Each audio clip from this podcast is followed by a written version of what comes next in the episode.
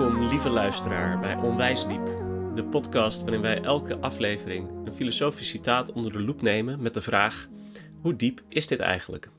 Zo proberen we uit te vogelen wat het citaat zegt, waarom we dat zeggen en wat dat dan eigenlijk over ons zegt. Ik ben Werner en ik zit hier met Diederik. Hallo. En vandaag gaan we het hebben over vergeving. Uh, namelijk met het citaat van een uh, welbekende timmermanszoon: Vader, vergeef het hun, want ze weten niet wat ze doen. Misschien dat jullie de referentie al uh, hoorden, maar dat is een citaat van Jezus Christus van Nazareth. en dat leek ons enigszins toepasselijk om te bespreken zo tussen hemelvaart en Pinksteren in. Ja. maar toch is het misschien wel goed om even te benoemen, want normaal gesproken hebben wij citaten van de mannen met baarden waar in ieder geval portretten van zijn, van de afgelopen 400, 500 jaar of zo.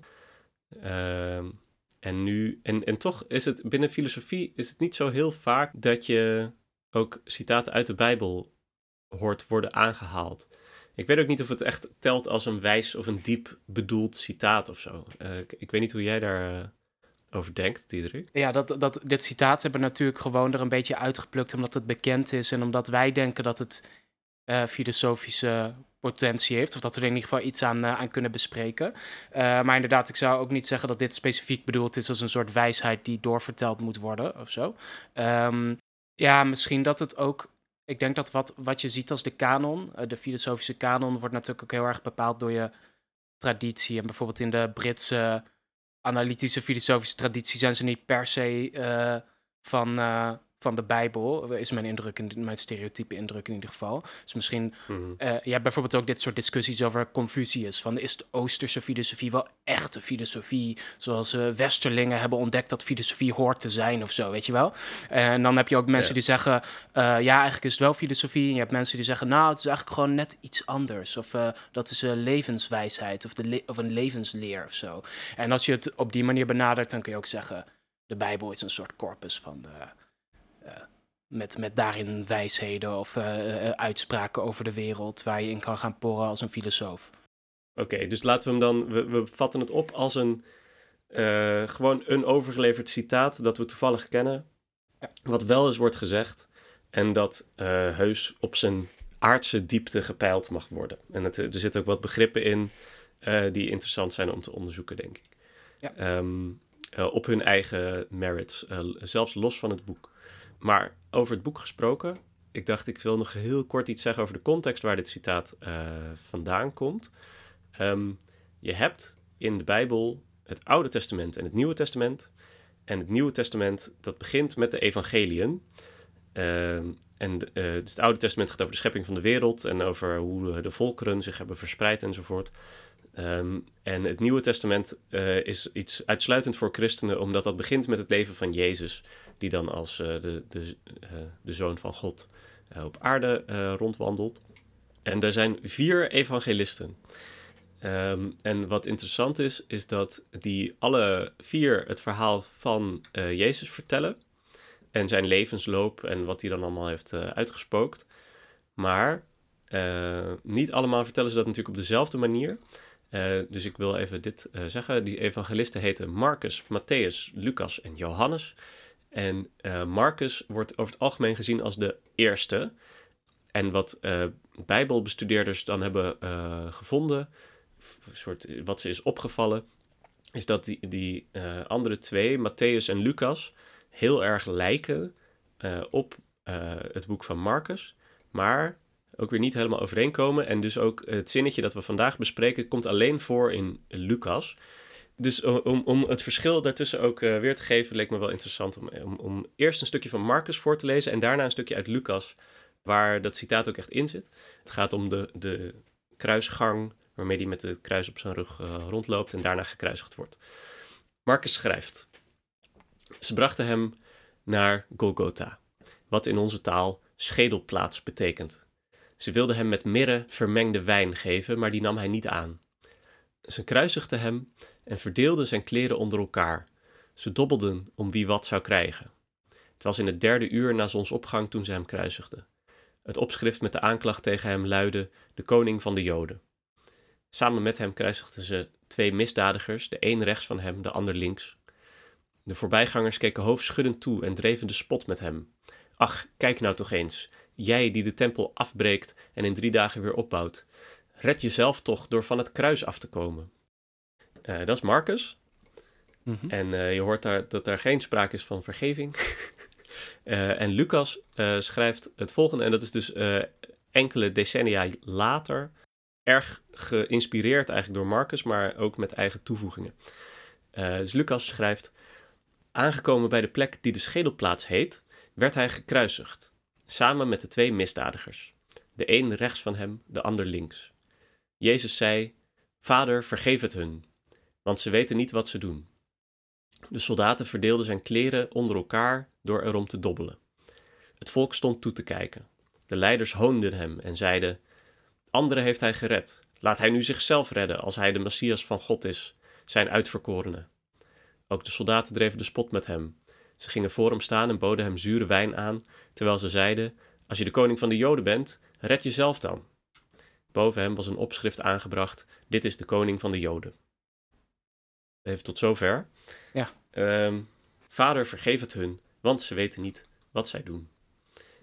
Um, misschien nog een, een laatste opmerking voordat we aan vragen daarover beginnen. Even om te benoemen dat vergeven in het Grieks, dat is, uh, er staat aves. Dat betekent vergeven of laten, of loslaten. Of, uh, daar liepen we in de voorbereiding een beetje tegenaan van gaat het nou om vergeven of gaat het om niet kwalijk nemen? Of gaat het om. Uh...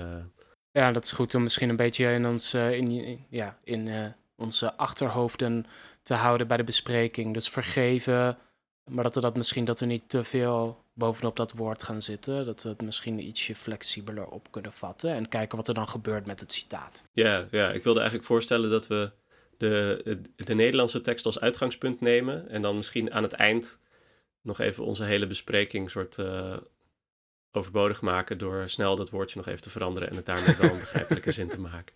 Ja, prima. Uh, maar laten we, laten we beginnen bij het Nederlands. Uh, Vader, vergeef het hun, want zij weten niet wat zij doen.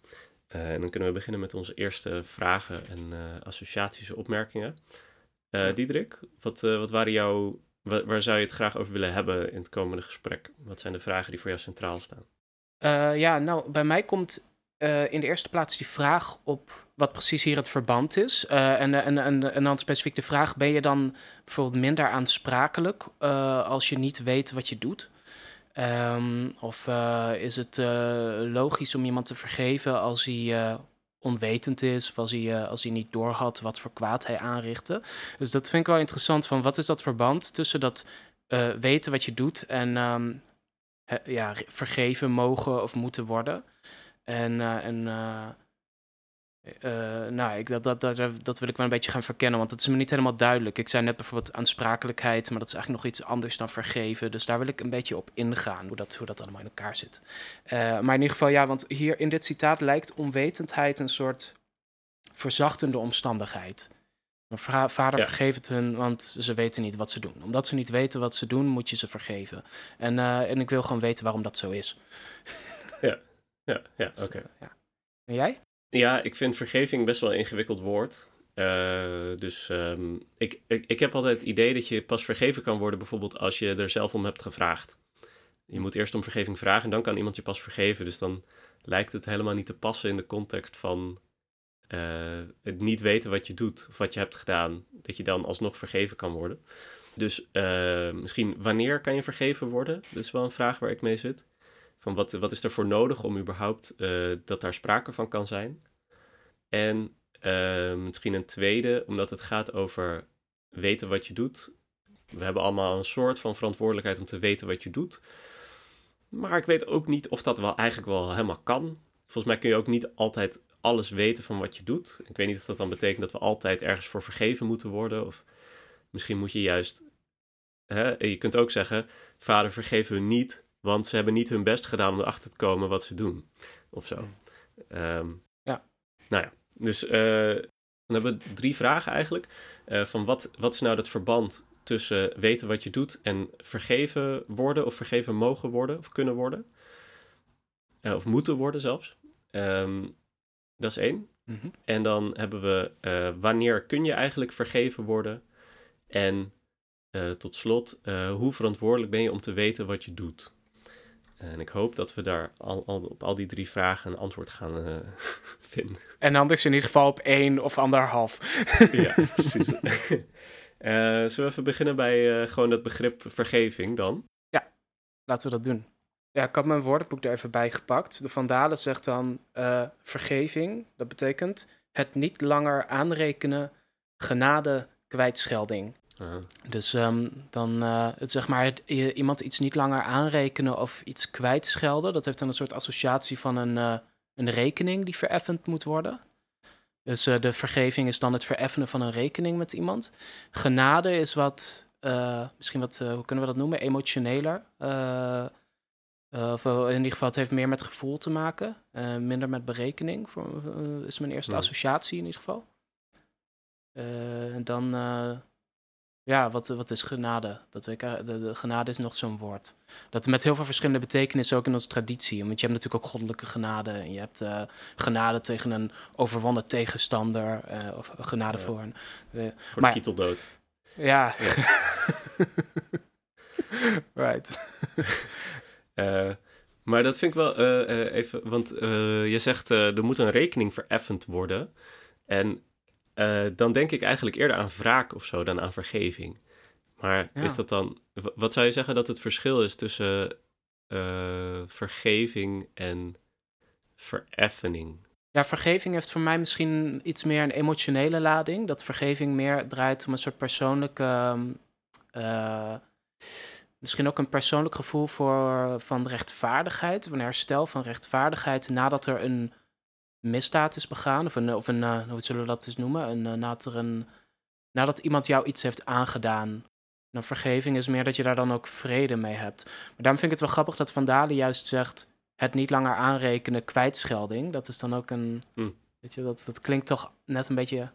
Het klinkt een beetje economisch of zo, hè? Alsof er een, een rekening is, die zei al, eh, die vereffend moet worden. En dat kun je dan op verschillende manieren doen. Je, je, iemand heeft jou in de min geslagen of zo. Eh, en dan kun je zeggen, nou, we brengen het terug naar nul. We, we, we, we, we vereffenen die rekening doordat ik jou terugsla. En dan als het ware weer plus 5 krijg of zo. eh, door jou min 5 af te pakken. En zo komen we op nul. Of ik vergeef je en dan scheld ik het kwijt. Dan zeg ik, weet je wat, je hoeft me dat niet terug te betalen. Of ik hoef, jou dat, niet, ik hoef dat niet van jou terug te vragen. En dan staan we alsnog weer op nul. Omdat ik met mijn magische woorden de rekening heb opgeheven. Maar dat... mm, ik weet niet of dat nou helemaal raakt aan wat vergeving is. Je zegt dat het emotionele...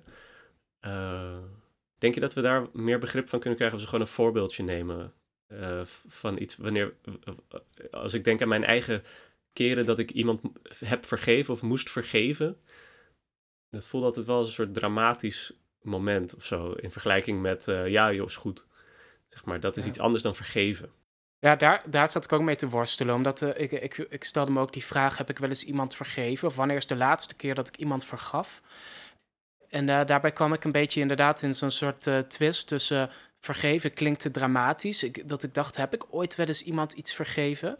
Anderzijds kun je ook zeggen, nou ja, technisch gezien is zo'n situatie waarin iemand iets doet wat je niet leuk vindt. En ehm, dat jij zegt, nou oké, weet je wat, zand erover. Dat is al vergeving. En want je kan eh, ehm, ook eh, bijvoorbeeld redeneren, dacht ik, dat iedereen altijd verantwoordelijk is en aansprakelijk. Maar dat we ook heel vaak zeggen, als iemand zegt, oh jij bent verantwoordelijk of aansprakelijk, zeggen we, nou dat klinkt wel heel zwaar.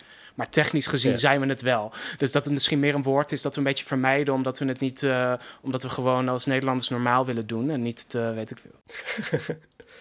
komt, komt die protestantse eh, cultuur weer. eh, Nee, nee, nee, nee. In dit geval niet per se, maar meer. Nee, nee, nee, dat is niet wat ik bedoel. Meer ehm, eh, het willen vermijden van eh, zware taal of zo, weet je? Van Hmm. dat het, omdat dat dan te omdat veel... we zo nuchter zijn, juist. Ja, of dat we nonchalant willen zijn. En niet per se Ja, Nederlanders, maar misschien mensen in het algemeen dat het soms makkelijker is om er niet een drama van te maken. En vergeving associëren we dan met dat je tegelijk een soort van een officieel een probleem schept. Terwijl je dat ook nog zou Ja. kunnen negeren door het niet schuld en vergeving te noemen. Ja, ja, want het is wel. Ik, eh, eh, ik, ik associeer het inderdaad met een, op de een of andere manier gekwetst zijn. Mhm. Uh, dat voelt alsof je een persoonlijk mij echt iets hebt aangedaan wat je niet uh, zo hebt bedoeld of wat je niet uh, expres deed of zo. Ik denk een beetje aan je hebt mijn hart gebroken. Of um, toen ik nadacht over wanneer heb ik nou mensen vergeven, dacht ik eigenlijk alleen maar inderdaad aan een beetje nonchalante momenten waarop ik het voor de grap zei: Je bent vergeven. Ja. zo, een leerling die te laat komt of zo die dan zegt: Sorry meneer dat ik te laat ben. Dan zeg ik: Nou, je bent vergeven. Zo, dan is het. Um, uh, dan, dan, daarmee zeg ik eigenlijk, omdat het een beetje ironisch is, uh, zeg ik daarmee: Joh, daar hoef je helemaal geen sorry voor te zeggen. Uh, door Zo het extra dik aan niet. te zetten. Ja. Precies. Maar daarmee zeg ik ook iets over vergeven, namelijk dat het blijkbaar iets is wat je alleen moet doen wanneer er een, een serieuze overtreding is geweest. Ja. Ja, wat ik wel, waar ik wel een beetje nog mee zit, eh, in relatie tot dat het eh, herstellen van een balans of het vereffenen van een, van een schuld, is dat ik eh, het gevoel heb dat vergeving daar toch ook steeds nog een beetje los van staat. Want hoe jij dat eerder zei, dat vond ik wel mooi, zei je kan ehm, eh, vergeving gebruiken om iemand een schuld kwijt te schelden. Dus dan is de vergeving een soort eh, daad die de balans herstelt. Maar ik kan ook situaties bedenken waarin je bijvoorbeeld een concrete schuld vereffent. Bijvoorbeeld, ik heb jou iets misdaan. eh, wat, wat jouw geld kostte. Daarna eh, geef ik je dat geld terug. Ik compenseer jou. Maar de verge of, weet je, of je mij vergeeft of niet, staat nog een beetje los van die concrete vereffening. Want jij kan ook Hmm. misschien achteraf denken, nou ja, oké, we staan weer kiet, maar ik vergeef je nog he- niet helemaal. Dat, daar moet eerst een paar maanden overheen, weet je wel? Ja. En dan zit je toch weer bij dat emotionele of jouw gevoel meegaat met een soort van de concrete praktische vereffening. Van een, eh, van een concrete eh, eh, schuld, zoals we die dan menen te kunnen berekenen. Ja, want wat, wat, wat is de emotie die je daar dan mee associeert? Je zegt het nu voor de derde keer. Ja, goed punt. Ehm, er vrede mee hebben en dat betekent dan iemand iets niet meer kwalijk nemen. Eh, ja, wat toch zoiets is als niet meer boos zijn op iemand. Of iemand niet meer. eh, of niet meer iets van iemand willen. En dan dus eh, niet zozeer in de concrete zin van niet ik wil nog meer geld van Werner, maar ik heb jou vergeven wanneer ik zeg, nou nu hoeft er niks meer. Nu hoeft Werner niks meer te doen of zo. Nu zijn we weer gewoon. er is een soort orde hersteld of zo. We zijn nu weer gewoon schone lei. En dat ik daar geen sterke gevoelens meer over heb van woede of van verdriet.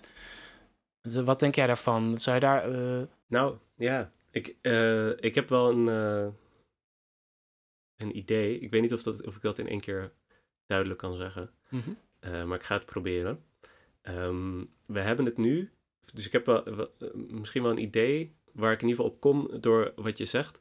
Eh, omdat ik het idee heb, dat- volgens mij ben ik het ermee oneens, dat dat is hoe, hoe vergeven werkt. Want je hebt dus bijvoorbeeld eh, vergeven, maar niet vergeten en zo. Dat is dan niet een schone lei. Mhm. Ehm, en eh, vergeven, we zien dat nu geloof ik als een soort moment. Van een, een moment van afsluiting aan het eind van een of ander proces van vergeving of zo. Waar je dan uiteindelijk iemand vergeven hebt. Zo van onze relatie is op een of andere manier hersteld. Of, dus ik denk vergeving, dat, je, dat het misschien niet zoveel zin heeft om dat te bespreken als een moment aan het eind van een proces. Maar dat het gaat om het proces zelf. En dat dat niet iets is wat jij in je eentje doet. Of zo. In ieder geval, als het gaat om die soort, om die persoonlijke eh, zeg maar, overtreding tegen mij als persoon of zo. eh, of iets kwaads dat je mij hebt aangedaan. Dan denk ik dat vergeving is een proces wat je dan toch ook samen een beetje aan moet gaan. Van die ander die moet zeggen, kijk, het spijt me, ik zie dat ik het eh, verkeerd heb gedaan. En dan zeg ik, oké, nou, ik ben blij dat je dat ziet. Eh, ik vergeef je nog niet, want ik ben nog niet eh, oké hiermee. Laten we er samen aan werken. En dan kun je uiteindelijk zeggen dat het proces van vergeving voltooid is. Eigenlijk op het moment dat je er niet meer over nadenkt. En niet op het moment dat, dat ik hardop zeg... Oké, nou, we hebben nu al deze dingen samen meegemaakt... en je hebt me meegenomen naar Disneyland Parijs... en nu ben je vergeven, zeg maar. Dat, ehm, eh, dat, zo voelt het niet. Maar en is je. ehm, Is dan wat je, eh, eh, wat je mist in mijn ehm, eh, definitie van net dat er.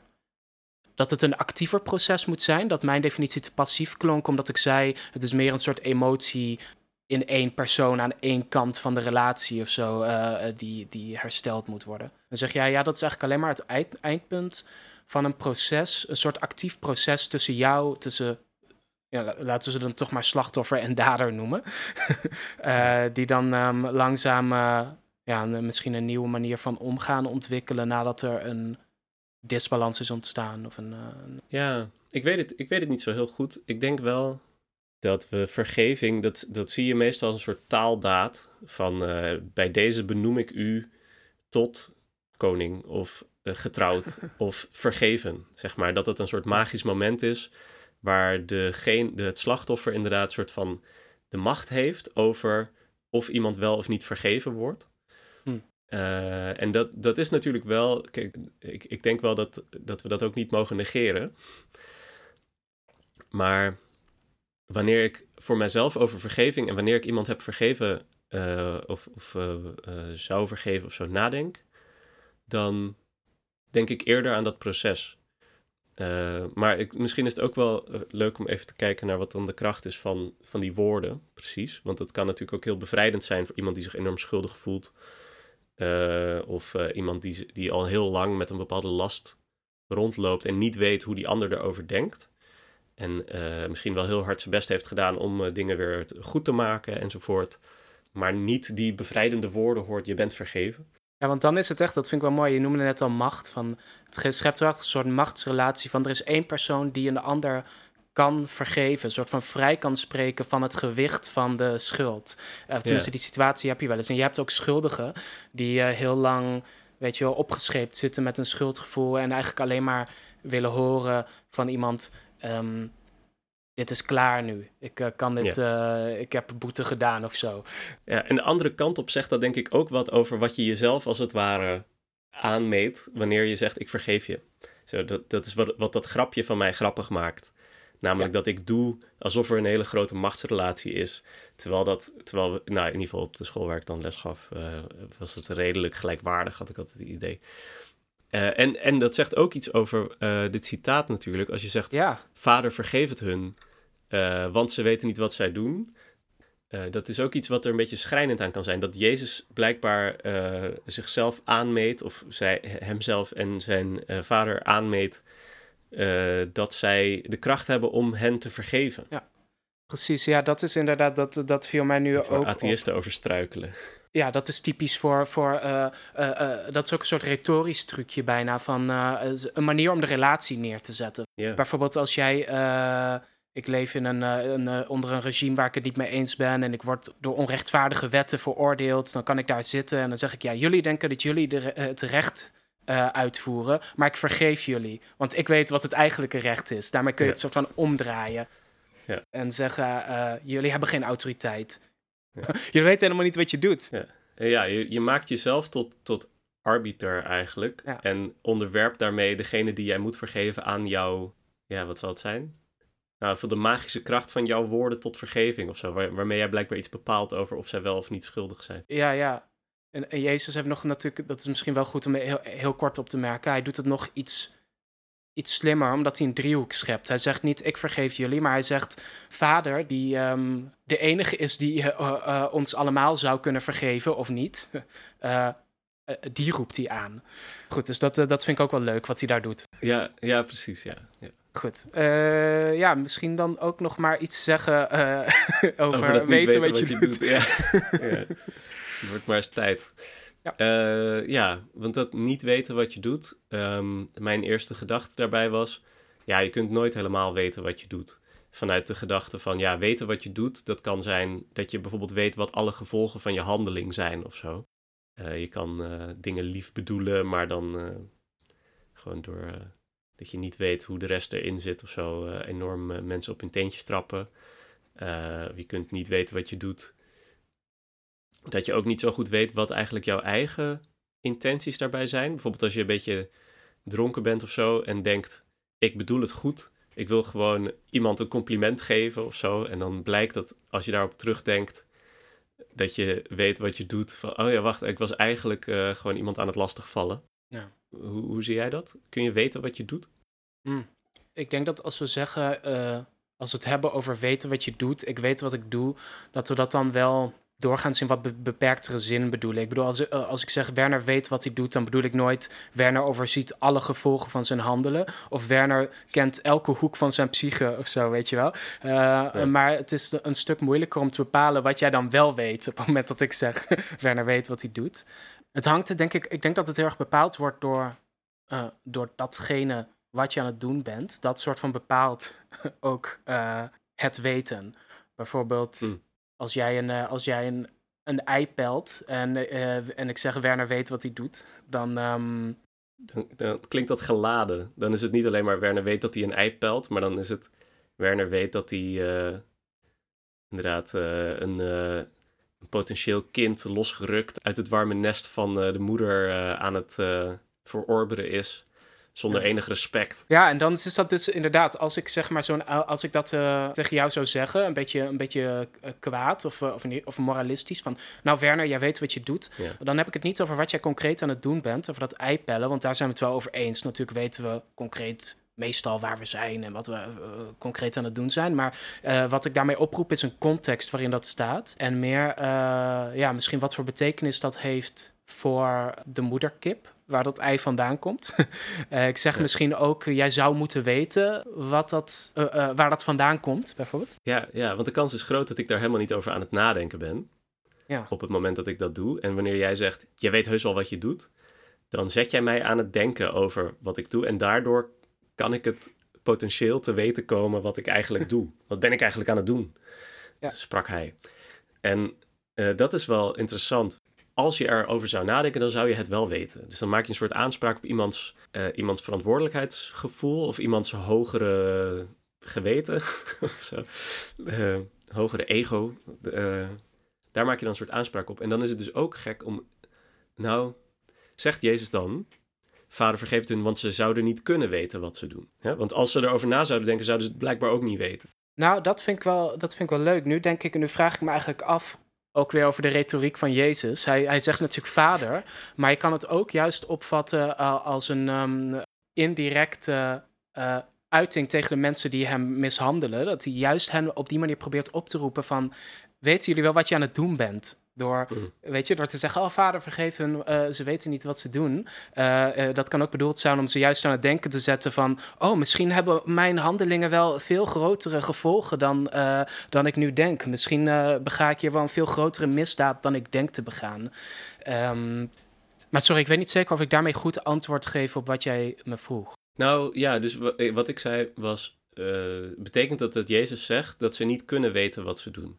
Gaat het mm. Dat je vergeven moet worden omdat je toch niet kan weten dat, dat ze inderdaad de zoon van God aan het kruisigen zijn. Ik bedoel, het is onmogelijk om daar een soort van, om dat te weten. Dat is een kwestie van, uh, nou ja, vertrouwen of zo. En dat is niet iets wat je zomaar van iedereen kan vragen. Dus het is ook onmogelijk voor een massa om, om als het ware goed te begrijpen wat, uh, wat ze eigenlijk, wat eigenlijk de gevolgen zijn van wat ze nu aan het doen zijn.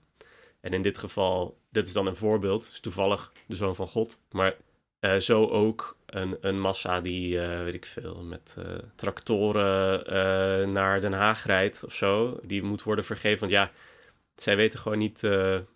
het is ook onmogelijk om te weten wat nou eigenlijk de consequenties van intimidatie zijn die ze dan hebben op andere mensen die daar zijn. Of, het is ook onmogelijk om te weten wat nou eigenlijk klimaatverandering is of zoiets. Dus vergeef het hun. Om maar even een ander voorbeeld te nemen. Of hetzelfde met nou ja, 12 blokkades of zo. Dan stel dat ze daar een blokkade op leggen en dat er dan een, uh, dat er bijvoorbeeld ambulances daardoor niet naar een bepaalde plek konden of zo. Dat konden ze niet weten. Ze hadden het een beetje kunnen verwachten dat het iets zou verstoren, maar ze konden niet weten wat ze deden. Ja, want in zo'n situatie wil je dan zeggen eigenlijk. Uh, ze hadden kunnen weten en ze hadden moeten weten wat ze deden en wat de mogelijke gevolgen waren van hun handelen. Juist niet. Uh, juist uh, zegt Jezus uh, van kijk, mensen zijn nu eenmaal fundamenteel niet in staat om te weten wat ze doen. Dus ze moeten vergeven worden. Dus ook wanneer ik dat zeg over de klimaatactivisten of over de, de boze boeren, dan bedoel ik dat in ieder geval nu in een, in een toon van kijk, zij konden ook niet weten hoe andere mensen dat daar last van zouden hebben. Of ze konden ook niet weten hoe, hoe andere mensen dat zouden zien. Ze konden ook niet mee weten wat voor gevolgen dat zou hebben voor het klimaat enzovoort. Dus je moet het ze ook niet aanrekenen. Ik weet niet of dat uh, de toon is. En trouwens, dan komen we langzaamaan bij het verband tussen die twee. Tussen weten wat je doet en vergeven moeten worden. Ja, precies. Dus wat zeggen we nu over weten wat je doet?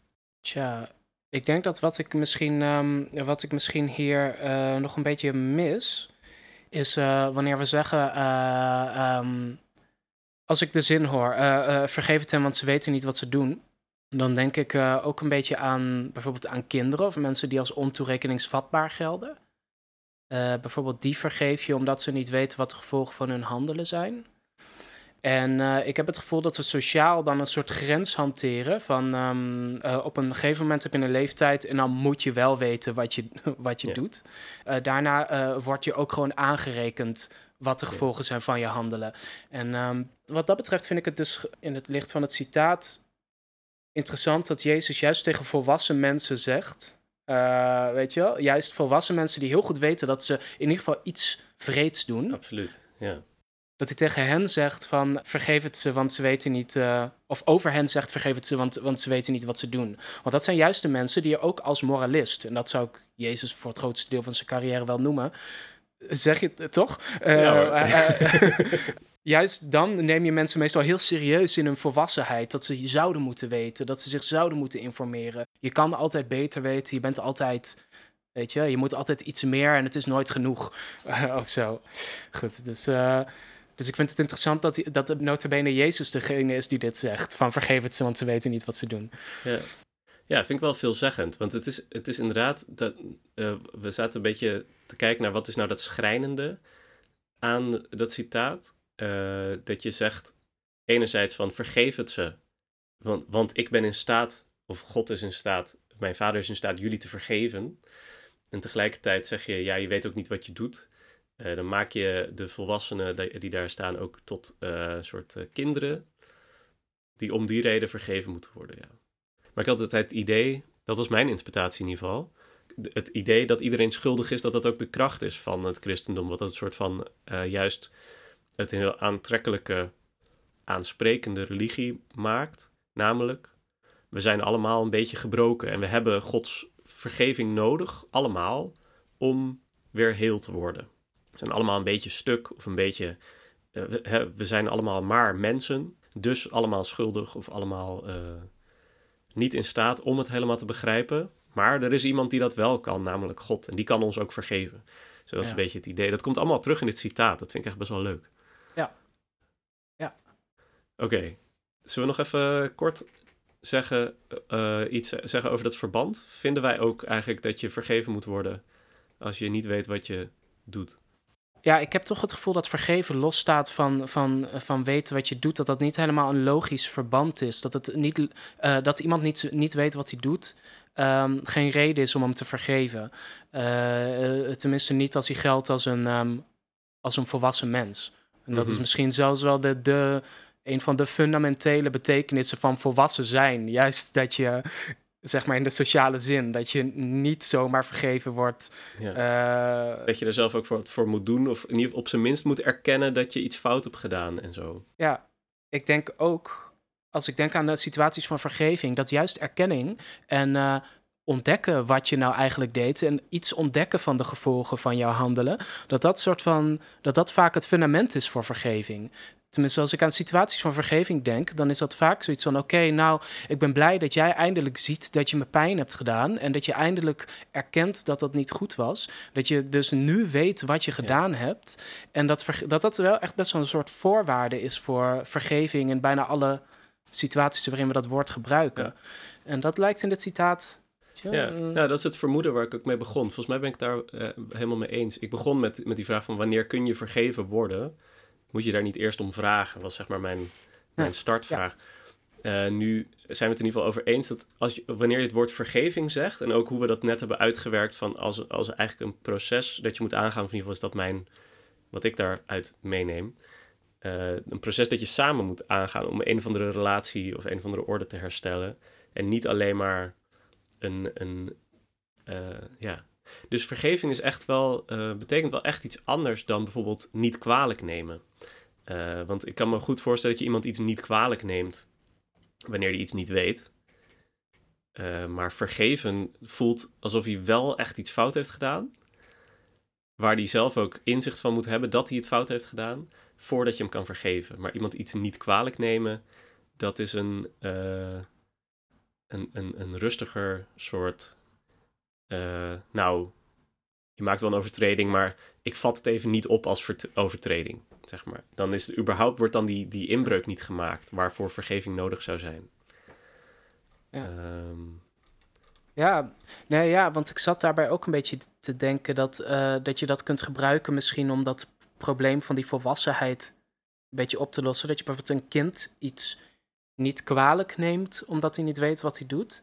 En een volwassen, volwassene neem je het wel kwalijk, omdat hij wel zou moeten weten wat hij doet. En dan is vergeving wordt mogelijk wanneer je iemand iets kwalijk hebt genomen. Uh, wanneer je daar, dus met een volwassene ga je dan ook een proces in. Anderzijds, en dan kom ik weer een beetje terug op, dat, op die eerste associatie van vergeving met emotie, kan ik me wel ook uh, um, voorstellen dat als een kind uh, iets doet met, met heel ernstige gevolgen dat je het dat kind wel kwalijk neemt, maar niet kwalijk probeert te nemen. Dat het ook een soort. Uh, snap je dat er toch dat je toch ook als je snapt dat iemand niet toerek, zoals als iemand niet toerekeningsvatbaar is en stel dat staat vast, dan kun je alsnog. Dan kan er misschien alsnog sprake zijn van gevoelens van wrok of vergeving. Of vergiffenis, weet je? Uh, en dat, dat vind ik zo lastig. Dat het... Ik ben zo boos geweest, jongen, op mijn katten. Als die uh, een pot, een plantenpot op de grond hebben geflikkerd.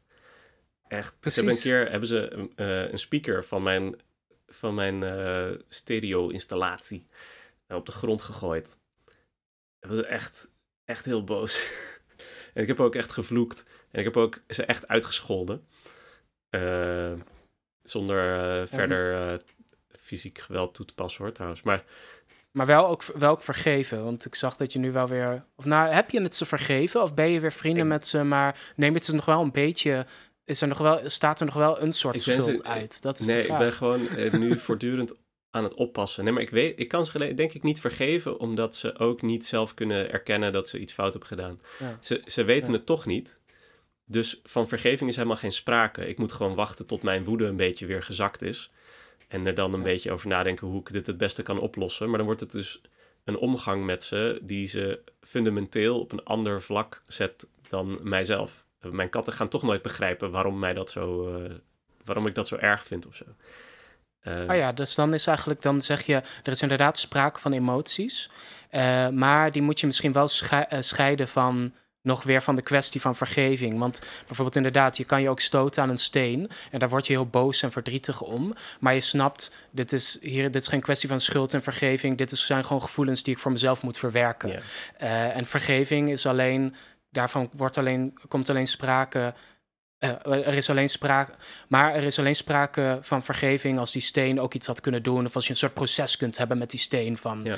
uh, erover praten en dat die steen ook snapt wat hij heeft gedaan met mijn Precies, ja. Dat, ik heb wel dat idee dat vergeving veronderstelt een soort gelijkwaardigheid. Dat is natuurlijk wel, uh, of in ieder geval dat we op, op hetzelfde level kunnen zitten, om maar zo te zeggen. We kunnen elkaar begrijpen. En dus, en dus kan ik jou vergeven, want jij kan iets inzien en erkennen. Maar vergeving kan dus geen sprake van zijn automatisch bij iedereen die dat niet kan. Dus ook, ik denk dat het niet kan, uh, dit citaat. Je kan niet iemand vergeven die niet weet wat hij doet, omdat daar dan sprake is van ander soort, uh, een ander soort omgang moet je daarmee hebben. Iemand die niet weet wat hij doet, die moet je niet vergeven, want vergeven impliceert dat hij weet wat hij doet, of dat hij kan weten wat hij doet, maar hij kan niet weten wat hij doet, dus hij moet eerder gewoon het niet kwalijk worden genomen hij moet uh, niet aansprakelijk worden gevonden.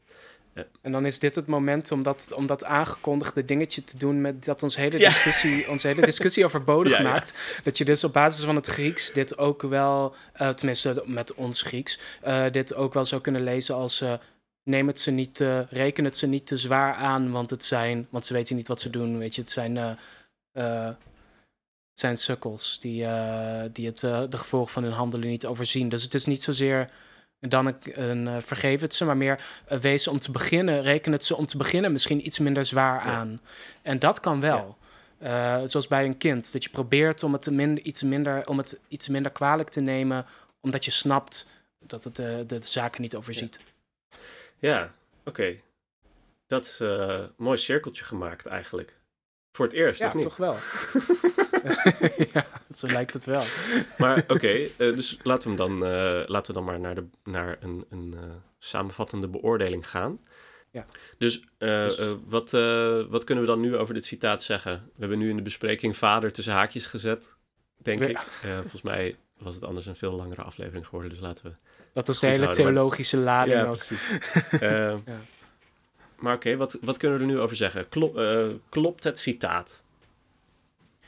Ja, nou, ik zou dus zeggen, als je het ver- zo vertaalt met vergeving, dan kwamen er toch wel op uit dat dat, eh, dat, dat woord hier niet past. Dan zou ik zeggen, dit, hier zie ik niks in. Volgens mij eh, is dit geen logische manier om, eh, geen logisch verband om te trekken. Als je, ehm, ja, en als je vergeving dan wat losser opvat als iemand iets, nou ja, neem het ze niet te kwalijk, vergeef het en neem het ze niet te kwalijk, dan zeg ik, nou, oké, dat, dat kan. Hmm. Maar ehm, ja, in de huidige vertaling zou ik zeggen niet echt mee eens. Want vergeving werkt anders. Ja. Ik vind het wel, dus wat ik wel mooi vind, is dat het, nou, misschien is dat meer een vraag over de diepte ervan. Ik vind dus wel een citaat dat heel veel zegt, in ieder geval eh, over hoe ik het christendom zie.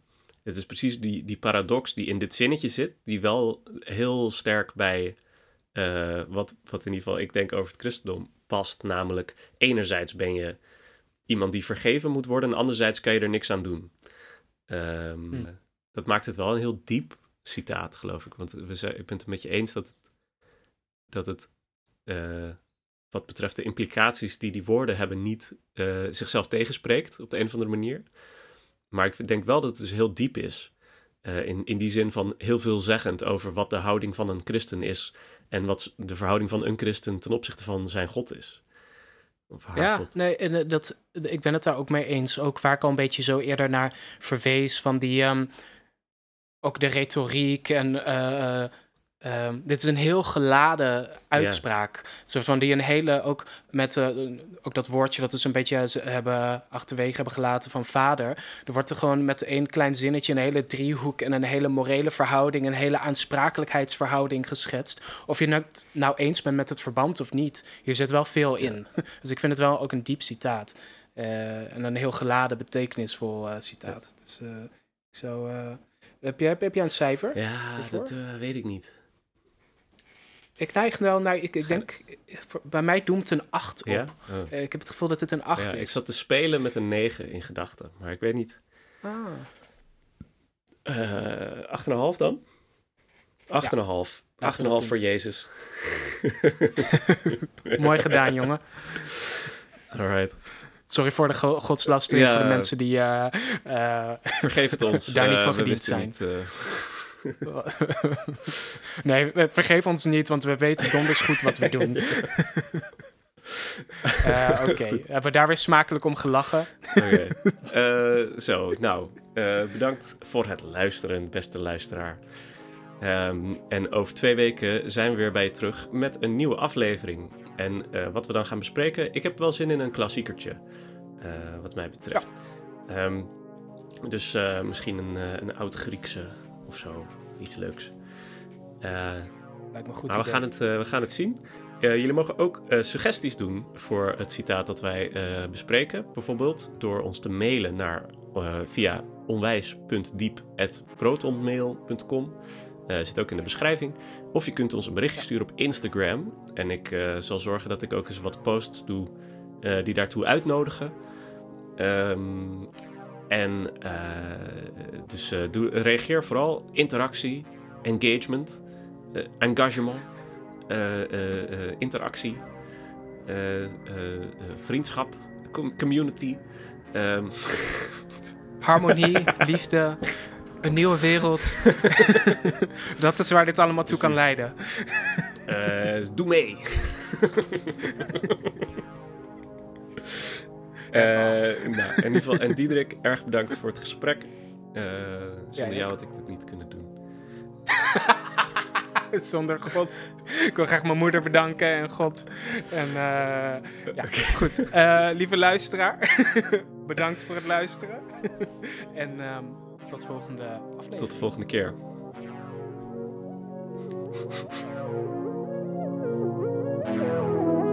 Ja.